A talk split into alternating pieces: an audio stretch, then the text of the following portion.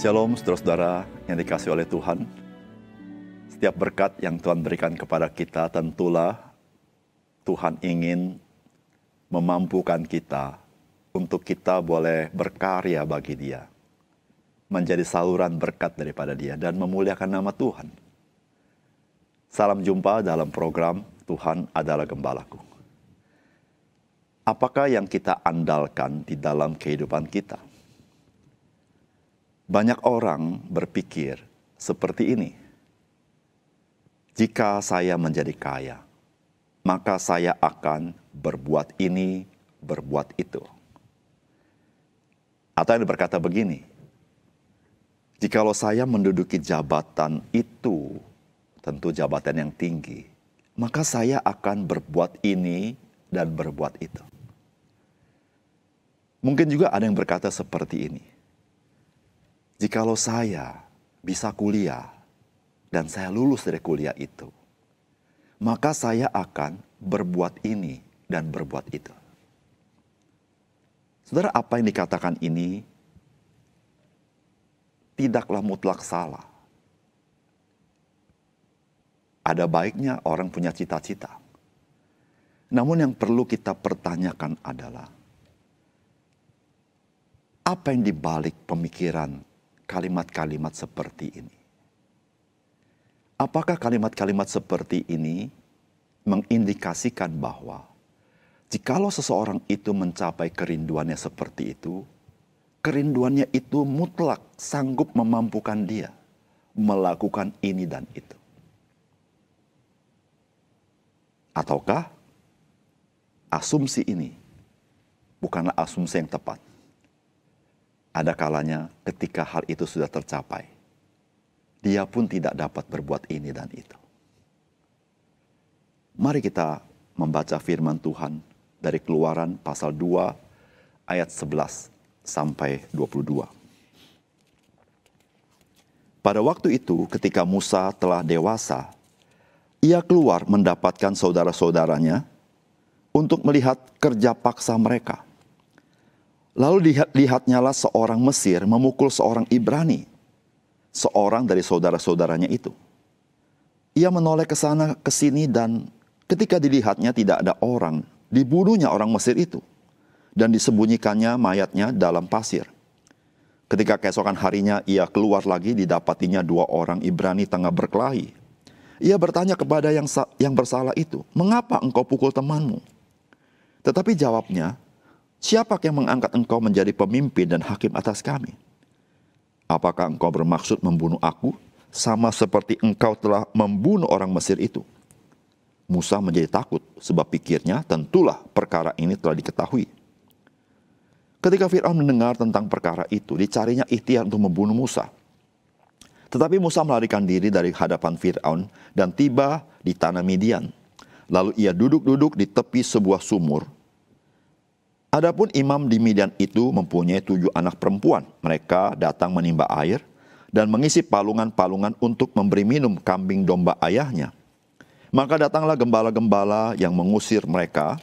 Lalu Musa bangkit menolong mereka dan memberi minum kambing domba mereka. Ketika mereka sampai kepada Rehuel, ayah mereka, berkatalah ia, mengapa selekas itu kamu pulang hari ini? Jawab mereka, seorang Mesir menolong kami terhadap gembala-gembala. Bahkan ia menimba air banyak-banyak untuk kami dan memberi minum kambing domba.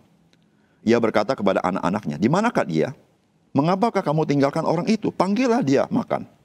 Musa bersedia tinggal di rumah itu, lalu diberikannya Rehuela, Sipora anaknya kepada Musa perempuan itu melahirkan seorang anak laki-laki, maka Musa menamainya Gersom. Sebab katanya, aku telah menjadi seorang pendatang di negeri asing. Saudara yang dikasih oleh Tuhan, Musa adalah seorang Ibrani yang diangkat menjadi anak oleh putri Fir'aun satu hak istimewa yang dialami oleh Musa. Bahkan dia mungkin satu-satunya orang Ibrani yang diangkat menjadi anak oleh putri Fir'aun. Bukan itu saja. Musa juga mendapat hak istimewa meskipun dia diangkat menjadi anak putri Firaun, tetapi dia tetap diasuh oleh ibunya. Karena ibunya menjadi inang penyusu bagi dia. Dan oleh karena itu, Musa sering sekali bergaul dengan ibunya seorang Ibrani. Maka Musa punya kesadaran akan identitasnya. Dia bukan orang Mesir. Dia adalah orang Ibrani. Maka tidak heran ketika dia mulai dewasa, dia menyadari akan nasib saudara-saudaranya yang Ibrani. Oleh karena itu dia ingin menjadi berkat bagi mereka. Saudara, apakah salah ingin menjadi berkat? Mari kita merenungkan apakah pesan firman Tuhan bagi kita. Yang pertama, saudara firman Tuhan mengingatkan kita, janganlah kita mengandalkan hikmat dan kekuatan diri kita sendiri. Saudara tidak salah, Musa ingin menjadi berkat bagi saudara-saudaranya.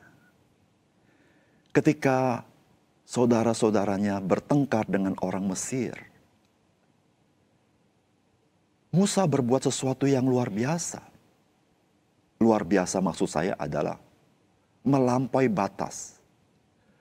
Dia bukan hanya menegur orang Mesir, dia bunuh orang Mesir itu. Karena dia ingin membela. Membela saudaranya. Namun keesokan harinya dia melihat dua orang Ibrani bertengkar. Maka dia ingin juga jadi berkat dengan menegur yang salah. Namun saudara perhatikan apa yang terjadi. Musa tidak bisa menjadi berkat bagi orang Ibrani. Bahkan Musa harus lari dari Fir'aun. Saudara yang kasih dalam Tuhan. Kita sering kali ingin berbuat yang baik. Kita sering kali ingin melakukan sesuatu bagi orang lain.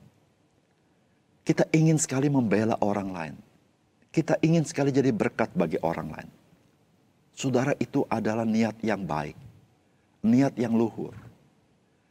Namun peringatan firman Tuhan hari ini kepada kita adalah kita memang dipanggil untuk jadi berkat.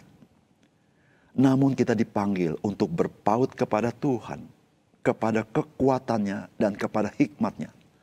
Bukan kepada hikmat dan kekuatan kita ketika kita mencoba melakukan pekerjaan Tuhan dengan hikmat dan kekuatan kita, kita akan menemui kita tidak sanggup.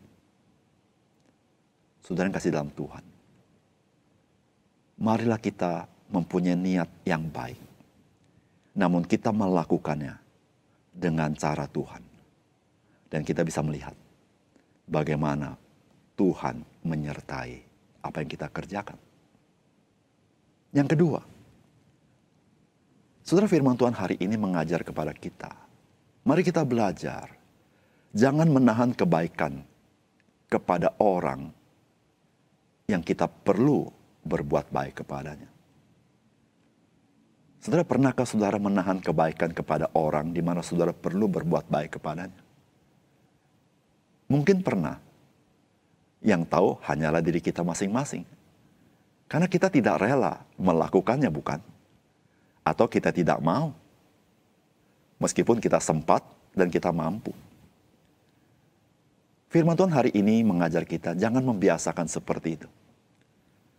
Saudara Musa lari dari Fir'aun ke tanah Midian. Di situ dia berjumpa dengan anak-anak daripada imam Midian. Tujuh perempuan mereka membawa kambing domba. Tapi waktu mereka mau kasih minum, mereka dihalau oleh gembala-gembala. Dan Musa, dia tidak menahan kebaikan dengan tujuh perempuan yang dia tidak kenal itu. Dia membela perempuan-perempuan itu. Saudara perhatikan, Musa tidak berharap apa pun dari apa yang dia perbuat. Namun apa yang dia perbuat, itu perbuatan yang baik yang dia tidak pernah tahan daripada orang lain. Saudara, mari kita belajar. Tidak pernah menahan kebaikan kepada orang yang memang kita perlu berbuat itu kepadanya. Karena Tuhan bisa pakai kita. Di mana pun kita berada, saudara. Siapa pun yang ketemu dengan kita. Tuhan, dia sedang bekerja melalui hidup kita. Dan tidak pernah ada sesuatu yang sifatnya kebetulan. Namun semuanya ada di dalam pimpinan dan rencana Tuhan. Berbuatlah baik selama kesempatan itu masih ada dalam hidup kita. Yang ketiga,